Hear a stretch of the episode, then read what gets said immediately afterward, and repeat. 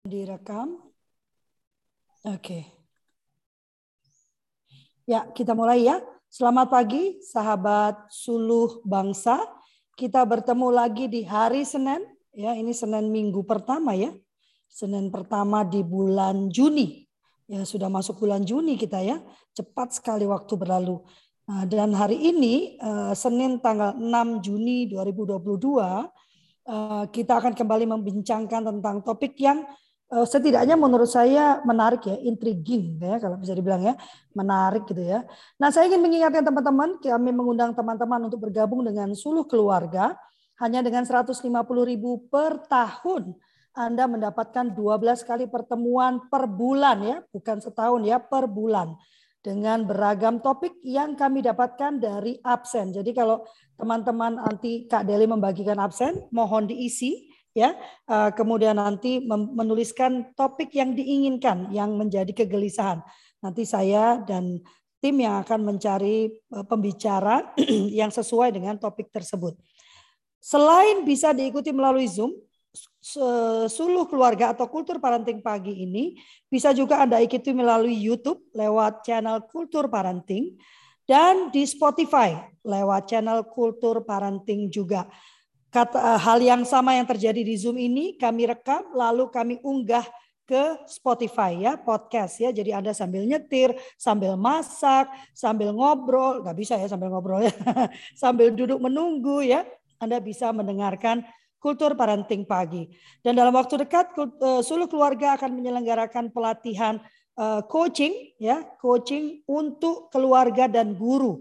Ada tiga tahapan nanti basisnya lalu coaching one on one lalu coaching secara kelompok ya. Anda boleh ikut kami bekerja sama dengan Kak Mariati ya. Beliau adalah coach profesional. Tapi ingat pelatihan ini bukan untuk profesional. Ini adalah untuk uh, kita gunakan di dalam uh, konteks kita sehari-hari baik di rumah maupun di sekolah ya dan hari ini ini memang sesuatu yang yang selalu menarik buat saya ya. Pada saat uh, orang tua itu dengan bangga menceritakan betapa anak-anak balitanya uh, bahkan beberapa sekarang datang kepada saya sudah SD, SMP, ada yang SMA dan mereka kesulitan berbahasa Indonesia padahal mereka tumbuh dan besar lahir di Indonesia. Memang bahasa Inggris diperlukan supaya kita bisa masuk cepat ke dalam arus modernisasi ya dan percepatan uh, uh, teknologi. Namun uh, saya sangat percaya nanti Teh Yanti yang akan memaparkan bahasa itu bicara budaya dan kita lihat apakah benar bahasa itu bicara budaya dan apa dampaknya bagi anak-anak kita saat kemudian tidak dia tidak mengenali ya tidak mengenali tidak menguasai bahasa yang digunakan oleh budayanya. Silakan Tayanti. Oke, selamat pagi. Salam sehat, salam sejahtera, salam kebajikan, Om Swastiastu, Namo Buddhaya, Rahayu, Rahayu, Rahayu. Assalamualaikum warahmatullahi wabarakatuh. Wah, kita bersebelas ya pagi ini. Eh, Bandung cukup eh, dingin pagi ini, jadi harus eh, menghangatkan dulu dengan bergerak. Sudah bergerak kakak-kakak? ya, uh, ketika kakak Lovely mengajak saya untuk menyampaikan bahasa itu budaya, saya jadi ingat waktu uh, apa mengajar bahasa Indonesia gitu ya di sebuah sekolah yang uh, murid-muridnya kebanyakan adalah anak-anak tanpa orang tua.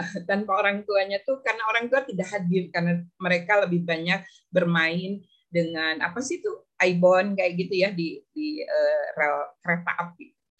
Uh, sungguh beruntung sebenarnya anak-anak kita ketika kakak-kakak uh, sebagai orang dewasa, orang tua di sekeliling anak itu benar-benar sadar betul tentang uh, pentingnya uh, apa ya membangun pola komunikasi yang uh, sehat, yang Eh, meneguhkan, memperkuat, bahkan sampai bisa membangun jati diri. Nah, salah satu alat komunikasi yang sangat penting dan ini menandai eh, peradaban kita adalah eh, bahasa. Nah, bicara bahasa itu budaya, izinkan saya ini ini kumpulan dari apa yang saya cari ya, bukan bukan apa ya pengetahuan baru. Sebentar, saya cek dulu di nah ini dia. Saya buat di Canva. Di kucing ikutan. Oke, okay. uh, tanpa tanpa larut dalam perdebatan apakah bahasa dulu atau budaya dulu gitu ya keduanya ternyata memang uh, saling mempengaruhi ya saya uh, agak agak terpana ya dalam uh, suasana haru biru saat keponakan keponakan sulung saya dari pihak ayahnya anak-anak menikah kemarin gitu ya betapa indahnya bahasa yang disampaikan oleh uh, pembawa acara tapi kalau lihat usianya, pembawa acara ini tuh lebih dari eh, uh, 70 tahun. Terus saya tanya, di sebelah saya ada keponakan saya gitu. Uh, Dek, Evit, kamu tahu nggak artinya itu? Boleh kok susah ya ngertinya, padahal sering dengar bahasa Jawa. Ah, nggak usah boleh, yang orang Sunda saya juga nggak ngerti, katanya gitu kan. Wah, saya bilang jadinya uh, suasana harunya jadi jadi bikin penasaran nih ada apa gitu ya? Karena Eh, eh, anak-anak saya juga mengalami hal yang serupa terkait sulitnya untuk memahami bahasa ibunya ya bahasa ibu eh, karena saya dari Sunda bahasa Sunda. Dan bukan hanya anak saya waktu saya SD juga pelajaran yang paling saya hindari itu kalau nggak olahraga ya bahasa Sunda. Gitu itu yang yang apa sih saya pikir ini akan menjadi apa ya penggerusan jati diri bangsa yang luar biasa.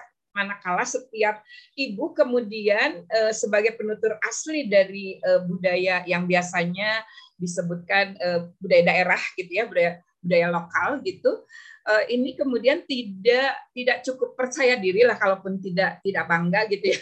Tidak cukup percaya diri untuk mengajak putra putri tercinta uh, berbahasa dengan bahasa ibunya gitu. Nah, karena apa? Karena ternyata memang eh, bahasa ini mempengaruhi budaya eh, kita karena apa yang diungkapkan oleh pengguna bahasa mencerminkan kebiasaan kita sebagai penutur. Saya masih ingat dulu itu ya eh, kakak saya dua-duanya laki-laki tapi tidak dibesarkan di rumah.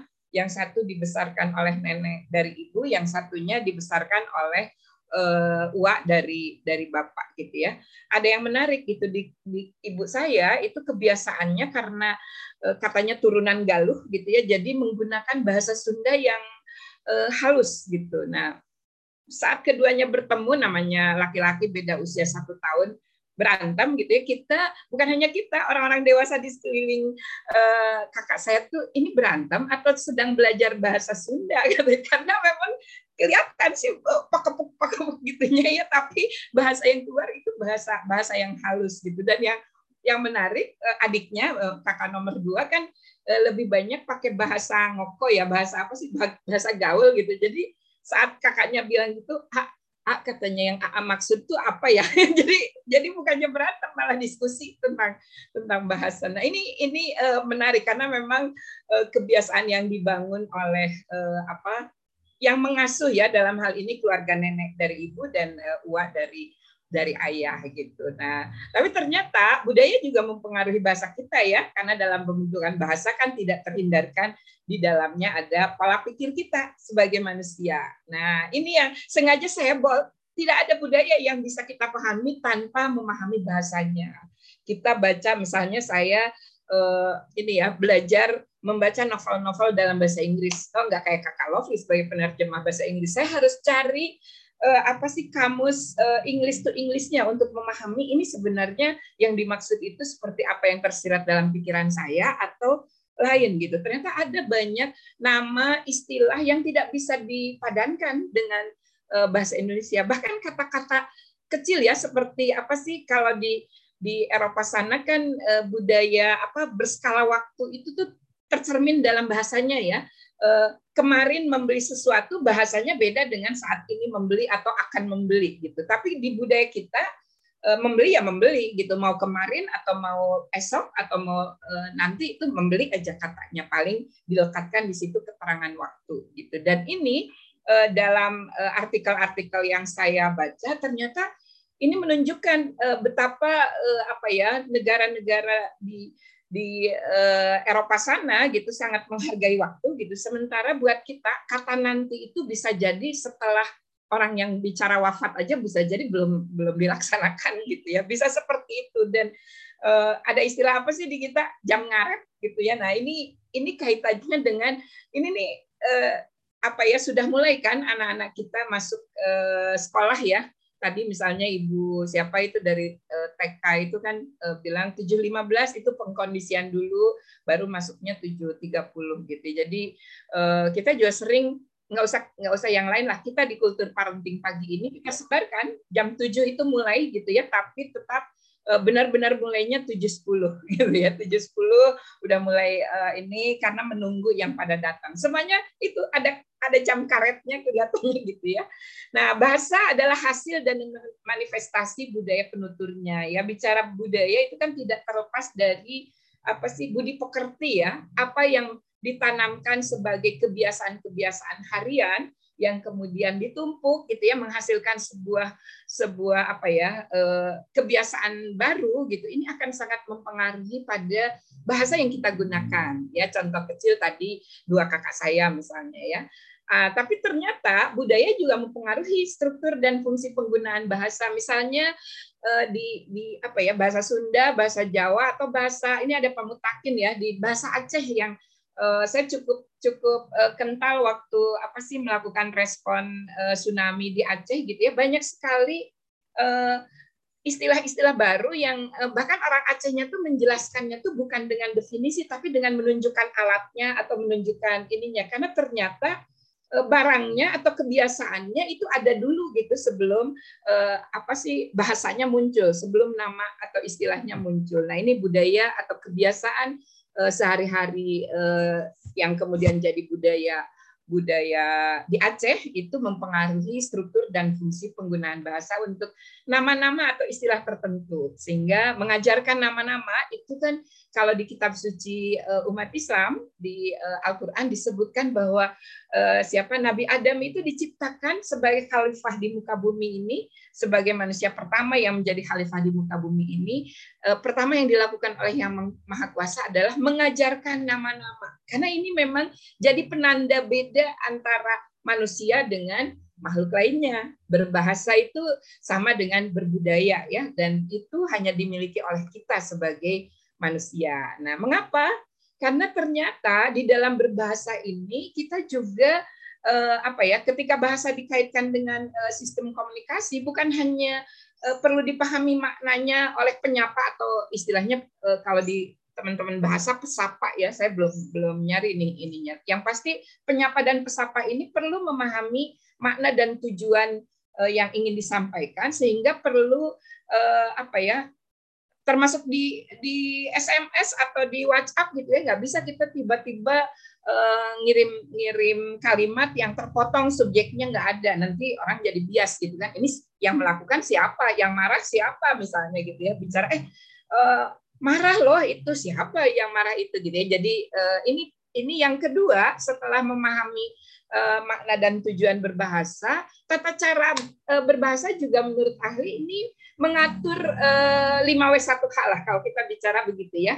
Apa yang sebaiknya kita katakan pada waktu dan keadaan tertentu meskipun uh, bahasa Indonesia itu tidak apa ya terikat oleh waktu gitu tapi tetap karena kita ada apa uh, tadi norma-norma kebiasaan-kebiasaan yang berlaku di dalam uh, budaya kita ini juga perlu menjadi perhatian. Lalu ragam bahasa apa yang sewajarnya dipakai dalam situasi sosial atau eh, berbahasa tertentu ya sosiolinguistiknya dan kapan dan bagaimana kita eh, meminta giliran berbicara dan menyela pembicaraan. Nah ini saya juga harus belajar banyak karena saya senang menyela gitu ya. Eh, ini perlu menjadi salah satu catatan penting khususnya bagi saya, terutama ketika memutuskan kapan kita perlu diam gitu. Kadang-kadang kita gatel ingin ingin bicara gitu ya, tapi ada tata cara yang perlu kita pelajari, kita latih bahkan sesudah kita menjadi orang tua sekalipun gitu ya, melatih diri untuk mendengarkan. Nah, mendengarkan siapa? Suara anak-anak kita itu ternyata perlu latihan yang intens ya. Paling tidak 20 menit setiap setiap pagi ya kita dengarkan anak-anak kita, mulailah dengan mengajak anak-anak kita untuk membacakan buku favoritnya di depan kita. Kalau perlu sambil bergaya teater gitu, jadi kita bisa tertawa bersama menyambut pagi dengan eh, apa ya eh, komunikasi yang hangat dan eh, saling eh, meneguhkan gitu. Karena misalnya yang dibacanya menarik gitu tentang eh, misalnya cerita fabel ya tentang binatang mengaumnya juga ikut dilakukan gitu. Jadi ada situasi emosi eh, dan eh, sosial yang yang dibangun dilekatkan di antara kita dan anak-anak kita. Lalu sediakan waktu setelah 15 menit membaca nyaring, mendengarkan anak membaca nyaring, sediakan waktu 5 menit untuk 5W1 hajnya itu dilekatkan dengan apa yang akan kita lakukan bersama-sama gitu antara anak dan orang tua eh, di hari itu gitu untuk melekatkan eh, makna yang dibaca di dalam keseharian. Saya yakin kalau ini dilakukan jadi kebiasaan eh, benar-benar jadi kebiasaan kita akan memiliki budaya baru yang bisa lebih lebih apa ya lebih lebih bijak untuk mendengarkan suara anak-anak kita dan anak-anak kita tidak perlu uh, kemudian mengekspresikan suara itu uh, atau gagasannya itu bahkan seperti yang dilakukan uh, apa itu geng motor atau ya coretan-coretan ini karena menjelang uh, kelulusan biasanya mulai lagi deh yang seperti itu. Nah dari sekarang kita uh, antisipasi ya. Nah secara khusus saya mengajak kakak-kakak sekalian untuk kembali melihat bahasa ibu. Eh, bahasa ibu ini di eh bukan hari hari bahasa ibu internasional eh, yang saya baca itu dicetuskan oleh eh, ini saudara-saudara kita di Bangladesh gitu ya.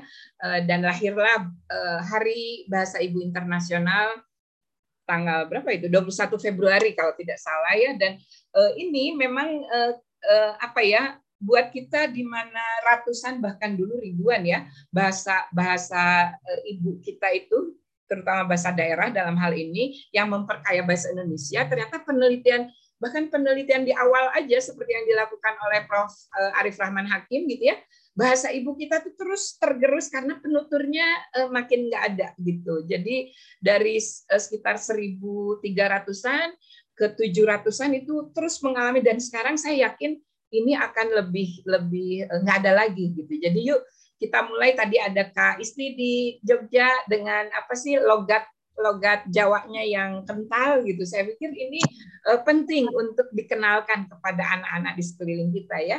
Bahasa ibu dan identitas budaya yang melekat ini memang uh, saling tadi ya karena saling mempengaruhi jadi kita perlu menunjukkan gitu karena batasan batas eh, batasan budaya yang ada di antara etnis atau suku bangsa tertentu ini memang nampak jelasnya di dalam bahasa ibu ya yang dipakai dalam uh, keseharian. Jadi ayo kakak-kakak yang uh, apa sih jadi ibu jadi ibu yuk kita tidak perlu ragu untuk uh, menggunakan bahasa ibu kita gitu ya uh, karena ini penting paling tidak untuk mengenalkan benda-benda uh, tertentu atau istilah-istilah tertentu yang kita sendiri masih masih mencari padanannya dalam bahasa Indonesia apa ya gitu ya sama halnya seperti padanan bahasa Inggris dalam bahasa Indonesia misalnya ya untuk hal-hal tertentu gitu.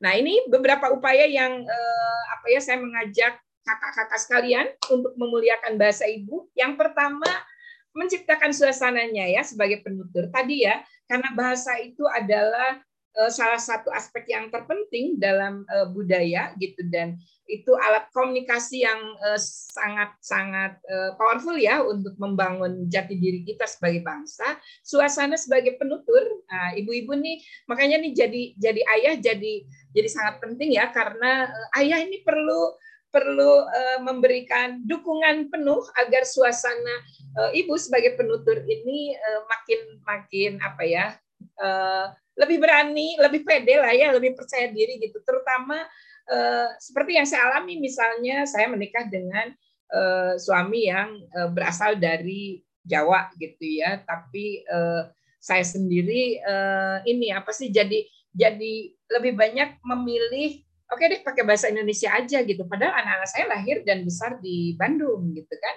Nah di sekelilingnya terus saya agak khawatir belum lagi ada kayak gini ah anak-anak di sebelah sana di belakang sana bahasa Sundanya kasar sih mendingan pakai bahasa Indonesia aja gitu. Padahal yakin deh kalau kita sebagai penutur itu eh, apa ya membangun suasana eh, bertutur dalam bahasa ibu itu tuh eh, sekaligus di dalamnya ada norma gitu ya, ada tata cara, ada etika yang dikenalkan.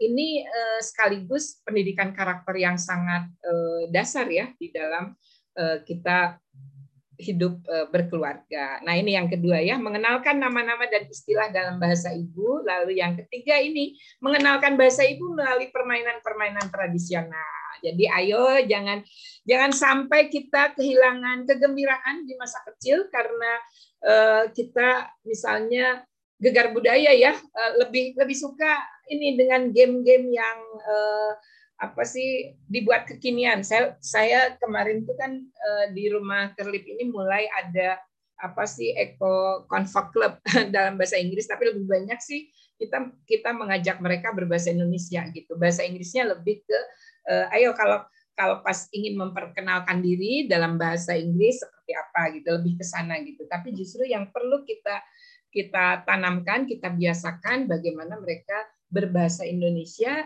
dan mengenal istilah-istilah yang dikenalkan oleh ibu-ibu mereka. Jadi ketika eh, anak-anaknya belajar di balkon dengan Teh Fitri, saya dengan ibu-ibunya gitu belajar untuk mengenal eh, apa ya dulu tuh bahasa bahasa Sundanya ini gitu sampai sampai tercetus seperti itu ya karena ya ini kita akan diskusi tentang bahasa itu budaya. Oke, sebagai pemantik obrolan kita pagi ini, mudah-mudahan cukup ya.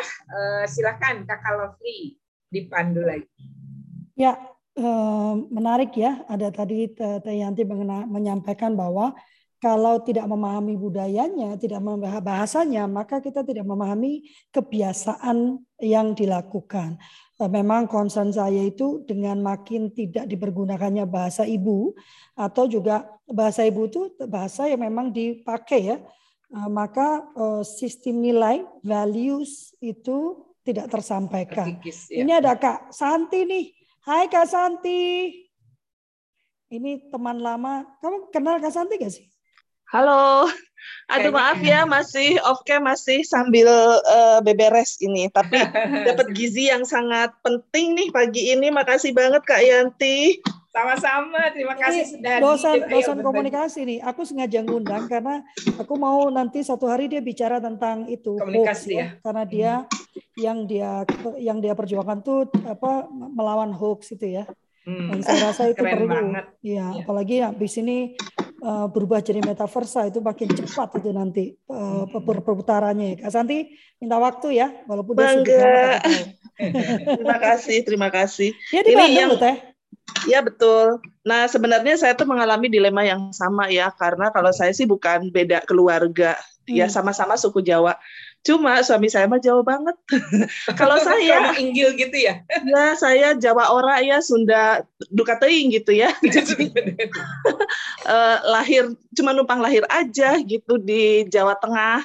Tapi sebagian besar dari mulai lulus SD ya di Jawa Tengah gitu eh Jawa Timur Jawa Barat ini di Bandung. Jadi saya mengalami semacam keterputusan pembelajaran ya, ya. gitu ya. Hmm, uh, dalam pola pengasuhan ini juga dari orang tua saya sendiri. Karena beliau abri ngajak kita juga pindah-pindah kota. Jadi hmm. ya menekankan ya akhirnya menekankan Indonesia lebih dari yang lain-lain gitu.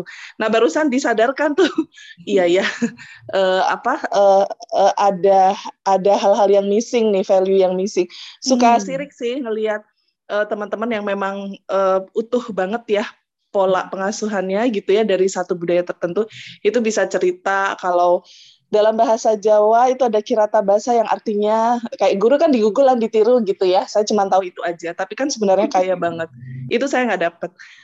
Uh, tapi mau ke budaya Sundanya, uh, saya tuh kehilangan hal-hal yang kayak misalnya ada teman-teman yang bisa nyeritain kalau matahari pagi uh, jam-jam orang tradisi uh, jam orang secara tradisional itu ada kayak bersastra gitu ya, berlagu hmm. gitu ya misalnya jam 7 ke jam 8 itu ada istilahnya gitu. Karena pada saat itu matahari sedang menerobos pepohonan gitu ya uh, bambu gitu ya. ya itu ada istilahnya terus nanti jam berapa ada lagi berapa. Saya nggak punya dongeng itu. Nah jadi saya senang banget dengerin ini. Ini Kak Santi ini kan juga dulu temanku penerjemah ya. Ini hmm. concern itu memang satu ya eh, Kak Santi ya, eh, apalagi itu ya dengan bahasa bahasa budayanya ya, hmm. karena bahasa ibu itu kan bicara apa yang digunakan eh, nah, dipilih ya. sebagai satu bahasa utama di, di rumah ya yang digunakan sehari-hari. Yang menjadi menjadi concern saya itu sebetulnya pada saat anak itu sejak kecil bahkan tidak diajarkan bahasa Indonesia gitu. Jadi langsung berbahasa Inggris gitu. Nah, ini yang yang saya harap muncul kalau Kak Santi tadi menyatakan bahwa dengan langsung bahasa Indonesia saja ada tata nilai budaya asal yang, yang lepas gitu ya. Yang lepas ya, yang yang yang tertinggal Apalagi. gitu kan. Apalagi kalau anak ini bahkan tidak diajarkan bahasa Indonesia gitu ya. Uh, maka yang dia terima dari awal tadi Tayanti sudah memaparkan kan betapa melekatnya bahasa itu dengan budaya yang diwakilinya gitu kan. Nah ini kan nanti uh, apa Kemudian kita mengeluh saat anak-anak itu berpikirnya sangat liberal misalnya gitu ya. Hmm, hmm. Padahal sejak awal budaya itulah yang kita kembangkan lewat bahasa yang diperkenalkan. Apakah ada teman yang mau bertanya, berkomentar? Kak Santi mau berkomentar lagi silakan uh, terkait dengan uh, diskusi kita kali ini. Karena ini sangat menarik ya. Memang keren kalau sekolah itu dari awal berbahasa Inggris. Yang paling saya sedih sebetulnya bahasa Inggris itu padahal bukan menjadi bahasa ibu di rumah mereka jadi campur-campur ini ya, bingung ya anak ya. Mau makin makin membingungkan jadinya ya. Iya, mau mau diperkenalkan dengan budaya yang mana sebetulnya. Kak Siti Nuraini, Kak Emma Hasan, uh, Kak Isti, Kak Irwan, uh, Kak Rusmin itu udah buka Kak, udah buka mic kayaknya. Ada yang mau disampaikan? Nah, silakan. silakan. Ya, uh, makasih banyak ya Teteh. Uh, selalu luar biasa dapat insight banyak gitu. Uh, jadi uh, saya pribadi sih merasa aduh uh, alangkah bagusnya ya ini bisa di apa bisa semua orang bisa mendengar lah. Itu saya juga setuju. Nah, tadi juga kalau Lovely juga udah bilang bahwa uh, kayaknya anak-anak sekarang lebih bangga bisa berbahasa Inggris gitu hmm. daripada uh, bisa berbahasa Indonesia atau bahasa ibu gitu. Lebih lagi lah kalau bahasa ibu ya gitu. Tapi kan uh, saya juga setuju bahwa bahasa itu nunjukin uh, budaya sama value gitu Nah, jadi saya juga masih masih kalau di maksudnya eh, memikirkan itu nggak tahu salahnya di mana, asalnya kapan gitu ya. Kenapa kok kita bangsa Indonesia itu kurang bangga sama bahasa kita gitu. Ya, Apalagi sama bahasa ibu gitu ya. Kayaknya gemes aja gitu. Padahal kita punya budaya itu wah luar biasa banget. Gitu hmm. tadi sama apa Kak Santi juga udah bilang bahwa oh ternyata saya aja orang Sunda nggak tahu tuh ada hmm. ada cerita-cerita kisah-kisah gitu gitu cuman apa cuman bisa doang cuman nggak tahu lah dalamnya sedalam apa nggak itu. Sama kayak teteh juga maksudnya begitu udah pelajaran bahasa Sunda aduh udah liar deh gitu, udah, udah liar. uh, uh, udah mesti bahasa Sundanya halus dan lain-lain itu uh, apa nggak nggak gampang gitu. Nah jadi menurut saya itu aduh ini bagus banget ya gitu. Kalau seandainya bisa gitu. Karena waktu saya pergi ke Jepang itu orang Jepang sendiri itu sangat bangga sama budaya dan sangat bangga dengan bahasanya. Sampai orang bule kalau ngomong Inggris dia ngerti jawabnya tetap aja bahasa Jepang hmm. gitu. Karena saking bangganya dia dengan bahasa tetap dia mau bahasa Jepang tapi dengan uh, apa kayak body language-nya itu bahasa tubuhnya itu udah nunjukin dia ngerti dan dia melakukan apa yang uh, orang bule itu apa bicara lah gitu. Hmm. Nah, jadi kita kok bahasa orang Indonesia itu kayaknya wah lebih keren kalau bisa bahasa bule gitu bahasa ya. Inggris. kayaknya saya juga nggak tahu mungkin ada bagaimana supaya apa yang yang Teteh sampaikan itu bisa bisa sampai lah gitu. Jadi kalau di Sunda ya orang orang akan bicara banyak bahasa Sunda. Walaupun bahasa Indonesia dia harus menguasai juga ya. Gitu. Di Jawa ya harusnya orang bangga dengan bahasanya lah gitu. Seenggaknya di rumah ataupun di lingkungan terdekatnya itu itu yang harus terus. Sehingga uh, kalau orang Sunda itu akan fasih dengan bahasa Sunda, orang Jawa dengan bahasa Jawa, orang Papua bahasa. Jadi masing-masing itu kental dan bagus sekali gitu. Bukan sebagai apa pemecah tapi menjadi pemersatu gitu. Itu aja sih. Aduh, uh, makasih banyak Teteh udah udah sharing uh, hal yang luar biasa. Kami, Vi, saya langsung ya. Iya, iya, iya. Oke, okay. uh, eh, saya masih ingat tuh dulu waktu uh, pertama kali mendirikan SD Hikmah Teladan di perbatasan Bandung dan Cimahi gitu ya. Uh, satu hal kegelisahan kita tentang bahasa ibu ini kita kita terjemahkan dengan uh, membuat saung-saung di pinggir uh, kolam karena ketika kita menanyakan kepada anak-anak TK di sekeliling eh, apa sih eh, Cimahi, Ciberem, Bandung itu, eh, mereka mengenal Sunda itu dengan eh, rumah makan Sunda, warung Sunda. Jadi kita mulai dengan oke, okay, eh, kita bentuk koperasinya dan koperasi ini membuka uh, saung-saung tempat uh, botram gitu ya. Dulu istilah botram itu apa? Potluck gitu kan. Makan bareng uh, tapi bekal makan dari rumah. Dan karena ketika mendirikan apa uh, sekolah tersebut kita juga terinspirasi dari buku Toto Chan uh, jadi uh, makanan dari laut makanan dari dari darat gitu yang makanan yang turun temurun dari keluarga gitu itu menjadi uh, dikenalkan di sana. Dan uh, menakjubkan memang ketika tiga tahun setelah eh, SD itu uh, berjalan gitu kita kita cek ternyata bahkan anak-anak dari keluarga yang orang tuanya bukan Sunda ada yang dari Padang dari Jawa itu mencintai budaya Sunda. Budaya Sunda ya bukan bukan belajar bahasa Sundanya. Mencintai budaya Sundanya tuh uh, luar biasa gitu. Dan melalui kecintaan itulah kemudian apa Eh, dikenalkan bahasa bahasa Sunda yang kalau ke orang tua berbahasanya seperti ini dan uh, ke yang muda seperti apa. Nah, ketika saya bertemu lagi dengan anak-anak di awal yang kami ini kan uh, kebetulan ada salah satunya yang masuk di di ITB gitu ya bertemu di situ ternyata ini apa sih ketika dia bicara presentasi istilah-istilah Sunda yang apa tadi Eh, syarat makna dengan uh, dikaitkan dengan budaya itu masih muncul gitu. Saya melihat oh iya memang uh, perlu kesadaran kita ya untuk bisa menghentikan apa yang disebut sama saya baca siapa sih itu Auburn ya tentang uh, culture itu atau kita sering menyebutnya apa itu tuh culture culture shock gitu kan guncangan budaya yang sebenarnya sudah sudah jauh-jauh hari dikenalkan bahkan sekitar tahun 60-an kurang ya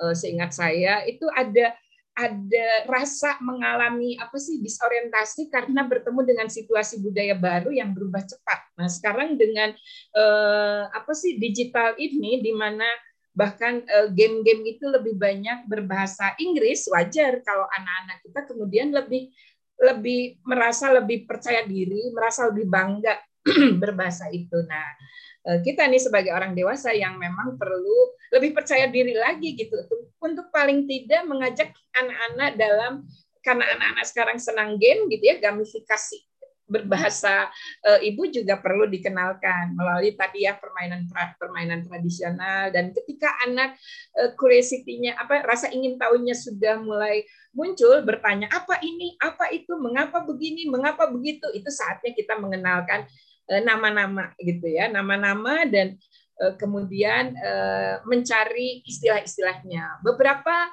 satuan pendidikan yang masuk dalam ASNP itu sudah mulai melakukan terobosan dengan apa ya berlibur selama 20 hari di keluarga petani misalnya atau di keluarga nelayan nah, dengan dengan catatan seperti itu sebenarnya bukan sekedar mengalami belajarnya tapi juga kebiasaannya, terus eh, biasanya kalau keluarga petani dan nelayan yang masih asli gitu ya, itu kan uh, adat istiadat uh, yang melekat dengan bahasa ibunya juga muncul. Nah harapannya dari situ kan muncul paling tidak keinginan keingintahuan untuk untuk uh, menanyakan lagi nama-nama atau istilah dalam bahasa ibu misalnya gitu ya itu beberapa hal kenapa saya menyarankan yuk untuk memuliakan bahasa ibu kita lakukan tiga hal itu tapi mulai dari yang akhir. Yang paling asik kan mengenalkan melalui permainan-permainan tradisional terus kemudian dari situ curiosity anak kita meningkat jadilah mengenalkan nama dan istilah, baru kita bangun suasana eh, yang eh, mendukung kita sebagai penutur bahasa ibu. Mungkin ada jam khusus, misalnya seperti seperti itu gitu untuk menuturkan dalam bahasa ibu. Nanti akan ada kegelian, kegembiraan baru di dalam pelaksanaannya. Sudah ada dua yang raise hand, Kak. Lovely. Uh, silakan Kak. Siapa dulu tadi yang raise Mutakin, Mutakin. Pak Mutakin, silakan Pak Mutakin. Wah. Ya, terima kasih. Selamat pagi. Assalamualaikum. Teh. Waalaikumsalam warahmatullahi wabarakatuh. Puhaba. Ini pakai bahasa Aceh. Makanya kita bengong itu apa ya? Ya langsung ya. Eh, Kak Lovely, Puhaba itu apa kabar? Oh, ah, iya.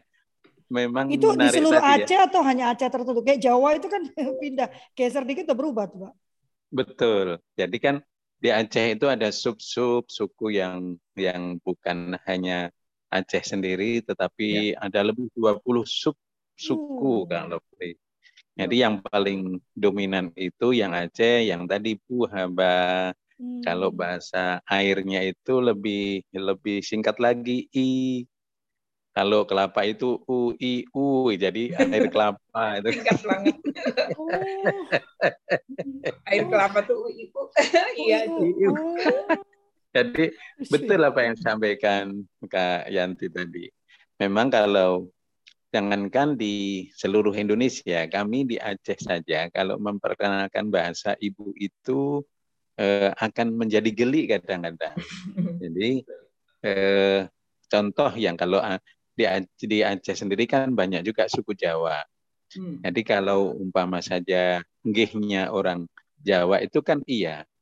Tapi sebaliknya nggihnya orang eh, Gayo itu tidak malah. Jadi beda jauh memang. beda jauh ya. Kalau umpama saja orang Aceh menanyakan nama itu Sonan. Tapi kalau orang Gayo Sonan itu eh, geser sedikit jadi bahasa sama sama kosakatanya tapi Artinya berbeda beda jauh. jauh. Nah, betul. Jadi eh, kadang-kadang seperti itu kalau ada orang yang kalau terutama di eh, lembaga pendidikan lembaga pendidikan kalau di Aceh itu pesantren lah ada bahasa masing-masing anak itu berbahasa ibu masing-masing itu menjadikan geli di dalam di dalam bahasa ibu itu digunakan dalam uh, pidato anak-anak yang ada di lembaga oh, pendidikan. Oh, bagus sekali.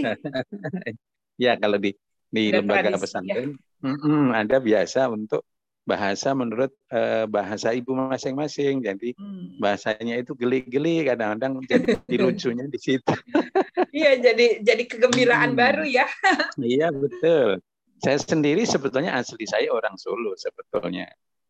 Tapi kan oh. kan karena sudah Ya, saya asli Solo Lovely. Oh. Ohnya banyak kalau Lovely. tapi karena sudah istri orang Aceh, tapi bukan asli orang Aceh dalam arti bahasa yang yang bahasanya orang Aceh, tapi kebetulan istri itu Aceh tapi subsukunya Melayu. Jadi bahasanya hmm. seperti bahasa Malaysia. Hmm. Uh, oh, jadi memang ya? eh, sana hasanah bahasa itu memang seperti Kak yes. Yanti sampaikan tadi luar biasa sebetulnya kalau bahasa ibu eh, jangankan seluruh Indonesia satu provinsi Aceh ataupun Jawa Barat saja juga berbeda Solo juga berbeda Jawa Timur juga berbeda tidak jadi itu memang ya sebenarnya ya. ah betul jadi akan menambah ragam budaya yang tadi Kak Yanti sampaikan kalau bahasa ibu itu tidak dikenal oleh anak-anak jadi anak saya agak lumayan kaya bahasanya. Karena kecil menggunakan bahasa ibu, kemudian sekarang belajar di Jogja, jadi kadang-kadang juga Jawa, ya? bahasanya ya? tuh bahasa Jawanya berbeda tuh. Oke Yanti, Kak Yanti, terima kasih banyak itu, sangat-sangat bagus sekali. Alhamdulillah. Nuhun Terima ya. kasih Pak Mutakin Pak. Di Aceh, di Aceh aja itu kan segitu ya, udah 20 coba. Indonesia oh iya. Kaya iya. banget ya. Iya. Saya sedikit-sedikit juga bisa bahasa Bandung karena pernah kuliah di UPI dulu jadi biasa. iya, suka hatur nuhun hatur nuhun. Terima kasih. Papua, di Papua berapa itu lebih banyak lagi, Mas? Oh iya, lebih, lebih banyak lagi. Makanya. Iya, lebih banyak lagi, Kak Iwan. Tim-tim kalau nggak salah saya tim-tim tuh 46 ya Allah. Iya, dialek belum dialek ya. Kak Irwan ya. Tapi tapi silahkan Kak Yanti yang Teteh Yanti yang menjelaskan karena menurut saya juga tidak harus jumping conclusion. Di Timur Timur bahasa Tetum itu nggak ada kata terima kasih. Hmm. Obrigado itu bahasa Portu. Portugis, ya. Jadi kalau ada obrigado barak, baraknya itu bahasa Tetum banyak, terima kasih banyak, tapi uh, tapi kan akhirnya kan ada yang presetin, wah mereka orang-orang yang tidak pandai tidak berterima, berterima kasih. kasih. Mencerminkan budaya kan ya. wah. Ini saya ke Kak Emma Hasan dulu ya. Silakan Kak Emma. Ya, selamat pagi. Pagi Kak Emma. Kesempatan diberi berikan kepada saya Emma, guru-guru seluruh bangsa yang luar biasa ilmunya. Saya mau bertanya mengenai permainan daerah. Padahal Indonesia ini budaya permainan daerahnya luar biasa. Kami pernah punya salah satu sekolah, tapi kami usaha untuk menerapkan permainan daerah, tapi kurang maksimal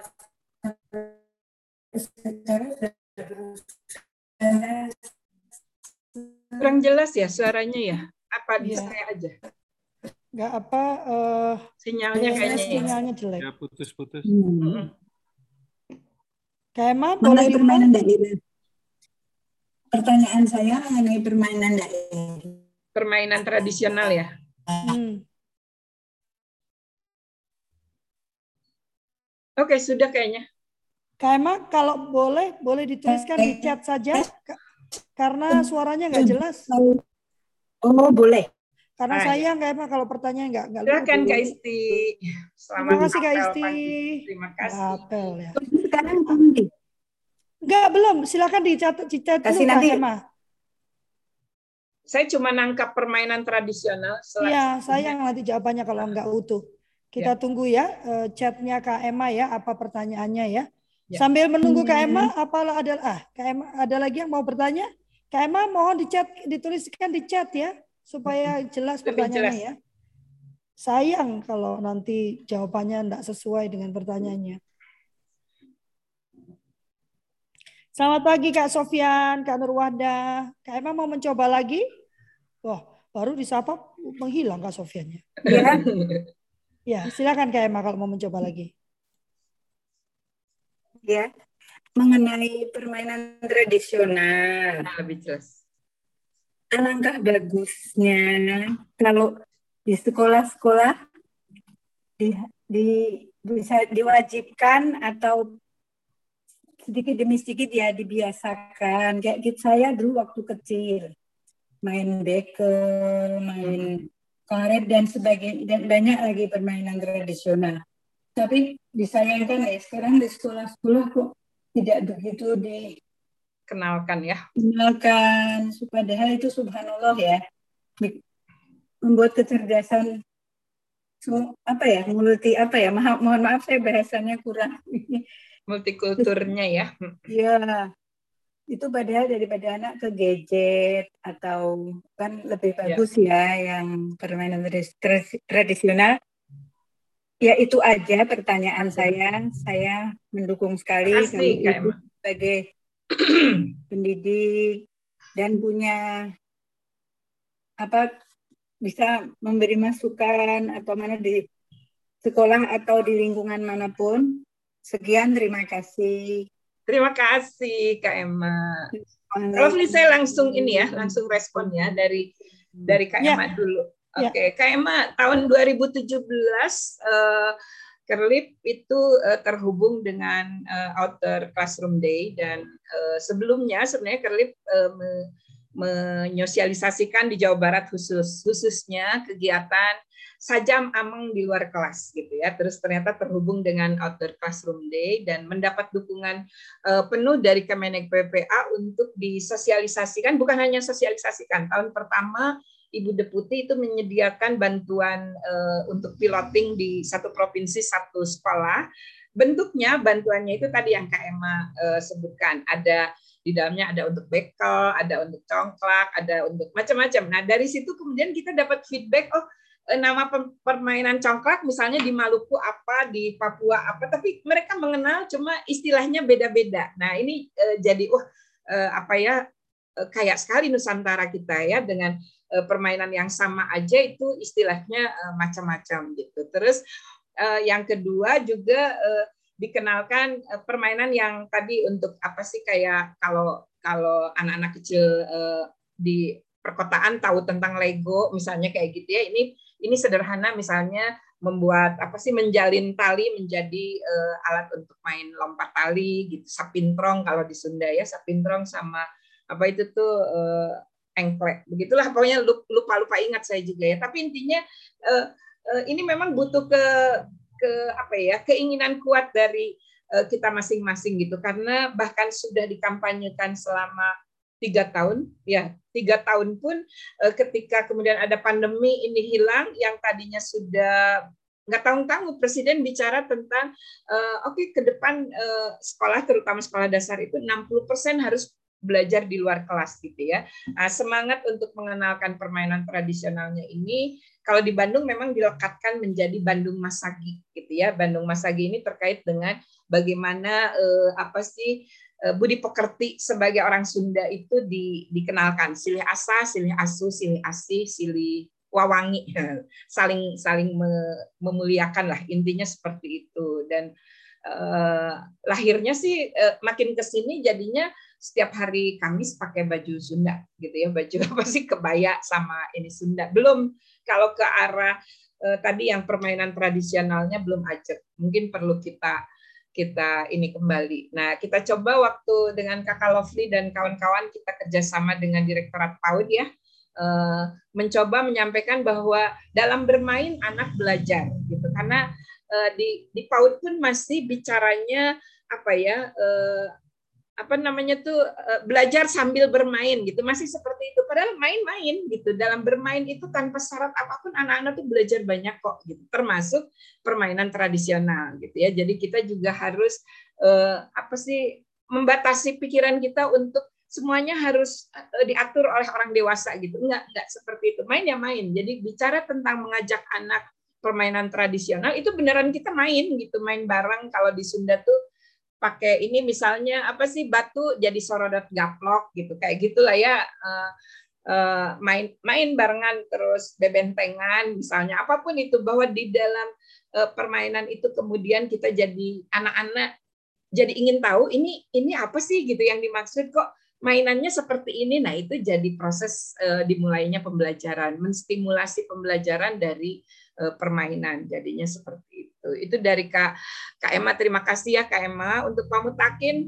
Ah, memang kita kaya banget, tapi percaya deh uh, bahkan tahun berapa itu Prof Arif itu kalau nggak salah penelitiannya 2005 ya, sekitar 15 17 tahun yang lalu itu uh, bahasa kita tuh uh, tinggal tinggal setengahnya gitu ya dari 1400 jadi 700. Nah, sekarang saya yakin makin makin terkikis. Jadi ketika Kakak Lovely mengajak bicara tentang bahasa itu budaya yang saya ingat itu ya bagaimana kita sebagai orang yang uh, binekanya itu karena memang uh, tumbuh dari Eh, budaya dan bahasa lokal gitu yang jadi bahasa ibu karena dituturkan sehari-hari kemudian itu tergerus karena penuturnya makin makin nggak ada gitu makin hilang. Nggak usah orang lain saya sendiri di rumah untunglah yang asisten saya dari tetangga orang Sunda dan selalu bicara bahasa Sunda jadi masih ada gitu muncul bahasa Sunda itu gitu ya. Itu pun anak-anak saya masih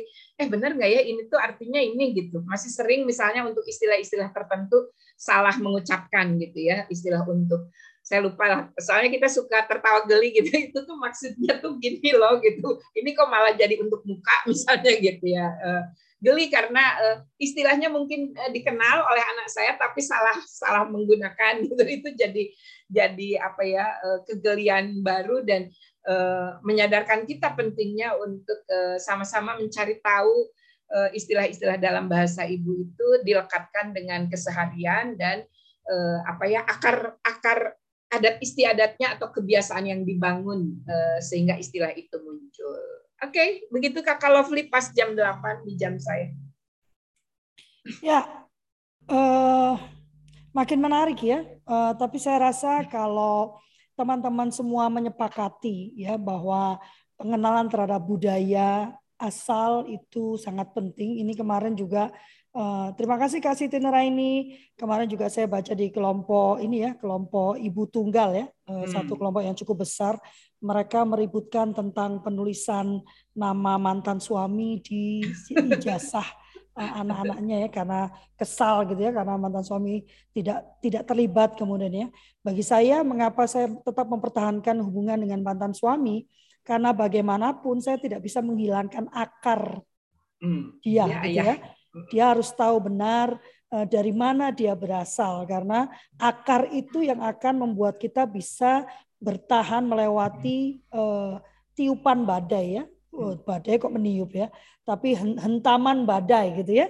Kalau kita tidak punya akar, meniup bisa tiup balik. Iya. Dan ini yang saya sebetulnya yang saya cemaskan ya dengan anak-anak kita yang tidak memiliki akarnya, dia berada di mana itu belum jelas gitu sehingga tidak paham sehingga nanti ke depannya akan sulit bagi dia untuk menghadapi uh, kehidupan ini gitu ya. Uh, dan dan akar itu salah satunya bicara tentang budaya gitu ya. Mm-hmm. Dan ini yang yang perlu kembali kita ingatkan kepada orang tua, kepada uh, guru, kepada sekolah gitu ya. Jangan hanya melihat uh, arah ke modernisasi gitu ya. Karena siapa yang tak siapa tahu gitu ya, dengan makin berkibarnya anak-anak anak-anak hebat Indonesia itu maka satu waktu Indonesia akan menjadi bahasa yang digunakan di seluruh dunia. Saya waktu mengajarkan bahasa Indonesia pertama kali pada anak saya itu dengan keyakinan yang itu gitu bahwa kalau saya suatu saat Jepang itu kan menolak memakai bahasa asing ya kalau di negaranya gitu kan uh, sehingga dia menjadi tuan rumah di negaranya sendiri. Sedangkan kita kita sedang masih memperolok mereka-mereka yang mempergunakan bahasa Indonesia di ruang Indonesia. Harusnya sudah menjadi satu kewajiban kalau Anda bekerja kan kalau Anda kerja di Amerika harus belajar bahasa Amerika ya. Belajar di apa kerja di Saudi harus belajar bahasa Arab gitu kan. Sedangkan mereka kan justru mendapatkan privilege ya waktu datang ke sini kita yang berbahasa di luar bahasa kita. Ini jadi bicara ini ya, jadi bicara nasionalisme. Jadi bicara iya patriotisme ya, nasionalisme karena bagi saya itulah ya anda usah teriak-teriak tentang yang lainnya apakah Anda menggunakan bahasa Indonesia atau tidak gitu ya. Jadi jangan bicara NKRI nasionalisme tapi Anda menggunakan bahasa yang berbeda gitu ya. Mari menggunakan bahasa Indonesia dengan baik yang benar. Mari mengajarkan anak-anak kita bahasa Indonesia yang baik dan benar gitu ya. Ah, mari mengajarkan mereka bangga menjadi orang Indonesia. Terlepas jangan ngomong, tapi presidennya, ah itulah beda lagi ya yang penting. itu urusan lain. itu beda lagi ya. Bangga menjadi orang Indonesia. Terima kasih banyak dan hari Rabu uh, kita akan bertemu eh besok kita akan ada ABC sekolah rumah ya dan kita akan bertemu dengan Kak Irfan Hakim. Hilmi. Eh sorry, Kak Irfan Hilmin. Kok Irfan Hakim? Irfan Hilmi. Haknya sama hanya. Iya Kak Irfan Hilmi, dia akan membagikan metode belajar yang diterapkan di komunitas beliau. Hari Rabu dengan siapa, Dek? Kak Deli? Dengan Kak Lovely. Oh, ya, aku. dengan Kak Lovely. Ternyata sama saya. Lupa lagi. Lupa. Ya, hari Rabu dengan saya dan hari Jumat dengan Kak Irwan. Jadi hari ini trio suluh keluarga rupanya ya muncul semua ya. Ada eh, dan eh, dan kita akan bertemu mulai Selasa, Rabu dan Jumat. Terima kasih banyak teman-teman. Terima kasih Teh Yanti. Teh Yanti ada yang mau disampaikan terakhir tutup? Ah, ini aja apa sih mengingatkan lagi untuk belajar uh, pada bambu ya.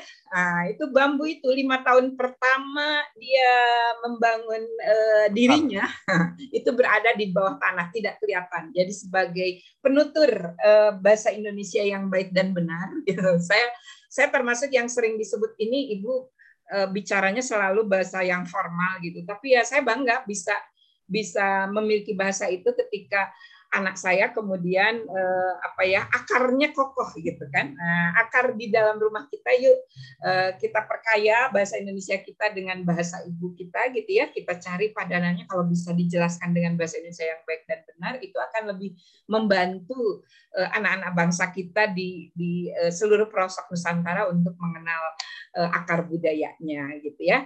Lima tahun paling tidak dari sekarang yuk kita mulai kebiasaan-kebiasaan kecil tadi untuk selalu bangga berbahasa uh, Indonesia yang baik dan uh, benar uh, dan uh, kemudian nanti saksikan uh, seperti halnya bambu ya enam pekan dia uh, tumbuh menjulang tinggi puluhan meter ke langit. Nah, kita juga akan saksikan anak-anak kita paling yes. tidak itu bisa uh, mengindonesia dengan memajukan Indonesia di uh, apa ya era tanpa batas sekarang ini. Oke, okay? itu saja dari saya. Terima kasih ya. Ini uh, apresiasi uh, komentarnya dan uh, masukan juga pertanyaannya benar-benar makin meneguhkan kita ya Kakak Lovely ya di kultur parenting pagi ini kita mungkin terlihat berbeda gitu ya orang lain uh, keasikan mengajarkan bahasa Inggris kita bahkan bahkan istilahnya uh, English course-nya juga dimulai dengan bahasa Indonesia gitu. Kita rencananya akan buat kelas bahasa Indonesia juga ya di seluruh bangsa mulia ya. Justru okay. seluruh bangsa mulia itu hanya berbahasa Indonesia, tapi kami akan punya uh, apa? kami akan punya uh, program liburan ya, uh, fun in English, fun English in Metaverse. Tetapi kami mulai dari kelas 4. Jadi memang uh, secara teori kalau apabila anak itu diajarkan satu bahasa dari awal maka di usia 5-6 tahun sebetulnya bahasanya sudah terbentuk secara sempurna. Yeah. Jadi memang eh, waktu saya membesarkan anak-anak saya, mereka baru mengenal bahasa Inggris di usia 6 tahun gitu ya. Baru mereka ditambahkan bahasa Inggris. Dan jangan khawatir Bapak Ibu, dengan cara itu saja Kak Deli ini lebih nyaman berbahasa Inggris daripada berbahasa Indonesia. Padahal bahasa, bahasa pertama yang diajarkan adalah bahasa Indonesia. Jadi jangan khawatir anak-anak kita tuh uh, makhluk-makhluk yang luar biasa. Ya, jangan khawatir dia ketinggalan zaman, tapi dia perlu tahu akarnya bahwa dia adalah orang Indonesia. Orang Indonesia. Terima kasih banyak. Kami memohon maaf yang sebesar-besarnya apabila ada pernyataan perkataan yang kurang berkenan. Kami tidak ingin merendahkan, memojokkan, menghakimi, bahkan tidak bermaksud untuk menggurui. Kami hanya ingin membagikan apa yang menjadi keyakinan kami, apa yang jadi kami, eh, yang menjadi Eh, kepercayaan kami, oh kepercayaan udah kayak agama aja ya, yang menjadi apa idealisme kami lah ya, dan yang paling penting yang kami kerjakan dalam kehidupan eh, kami sehari-hari. Kak Rusmin, see you by at 11 ya, tuh bahasa Inggris juga kan. Sampai jumpa jam 11 ya. Ya, sampai jumpa kalau Iya, senangnya bisa ber Kita berfoto dulu ya. Ah iya lupa. tuh Kak. Aku selalu lupa foto. Sudah. Dulu aku dibilangnya narsis ya karena foto melulu. Sekarang aku lupa aja. Harus Rusmin aku udah meeting sama dia berkali berapa? Tiga kali ya. Gak ada satu pun fotonya. lupa Jadi dong kita. Hai kabar. Weh. Sudah lama sekali. Hai Kak Satu, Sakti. Wah. Dua, tiga. Oh, hati. Dah. Deli. Tunggu deh, mamanya belum ada hatinya. De Ya. Hatinya Udah, sekali lagi. Ya. Kak, maaf aku sedang sedang daster. Enggak apa-apa, enggak apa-apa hatinya aja keluarin, Kak. Itu enaknya makanya ya kalau pakai jilbab itu ya nggak kelihatan. Oke, terima kasih banyak. Wassalamualaikum warahmatullahi wabarakatuh. Waalaikumsalam. Terima kasih. Sangat mencerahkan. Kak Raffi. Yes minta minta bahasa WhatsApp dong dikit untuk saya saya edit dikit untuk ke Kang Dudung. Siap. Cepat. Oke, Yanti juga di di ditagi. Tagi kan Selasa saya janjinya. Supaya supaya sekaligus dua. Iya. Oke. Okay. pesan yang disampaikan. Eh, Sekolah yang diminta uh, Pak Jenderal, Kang Jenderal. Oke. Okay. Oke, okay, bye bye. Oke, okay, terima kasih ya.